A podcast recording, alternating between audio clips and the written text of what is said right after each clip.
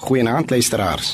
Die woord duiwel beteken letterlik die een wat dinge uitmekaar werp of uitmekaar maak. Hy wat uitmekaar dryf wat eintlik by mekaar hoort. Die teenstander, die een wat versoek sodat jy verkeerd moet doen. In Matteus 4 sien ons dat Jesus was in die genoemde Bybelgedeelte 40 dae en 40 nagte lank aan die duiwel se streke blootgestel.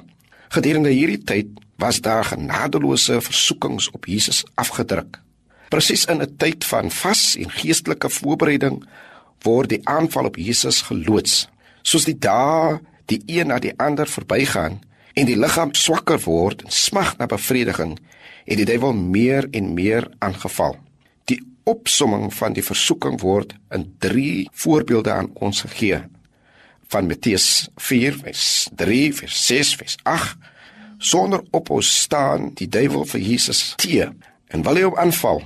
Hy het elke keer 'n aanvalshoek verandering. Hiermee word die uitdaging aan Jesus gestel of hy in staat sal wees om te gehoorsaam eerder as God as die vyand. Of hy kortpad gaan vat uit wat vir hom voorlê. Sal hy hom onderwerp aan sy taak al kos dit pyn lyding opoffering en dit wat hy sou hê as plesier of die getrouheid aan sy goddelike opdrag meer gaan beteken as die vinnige uitkoms wat vir hom voorlê. Baie mooi sien ons.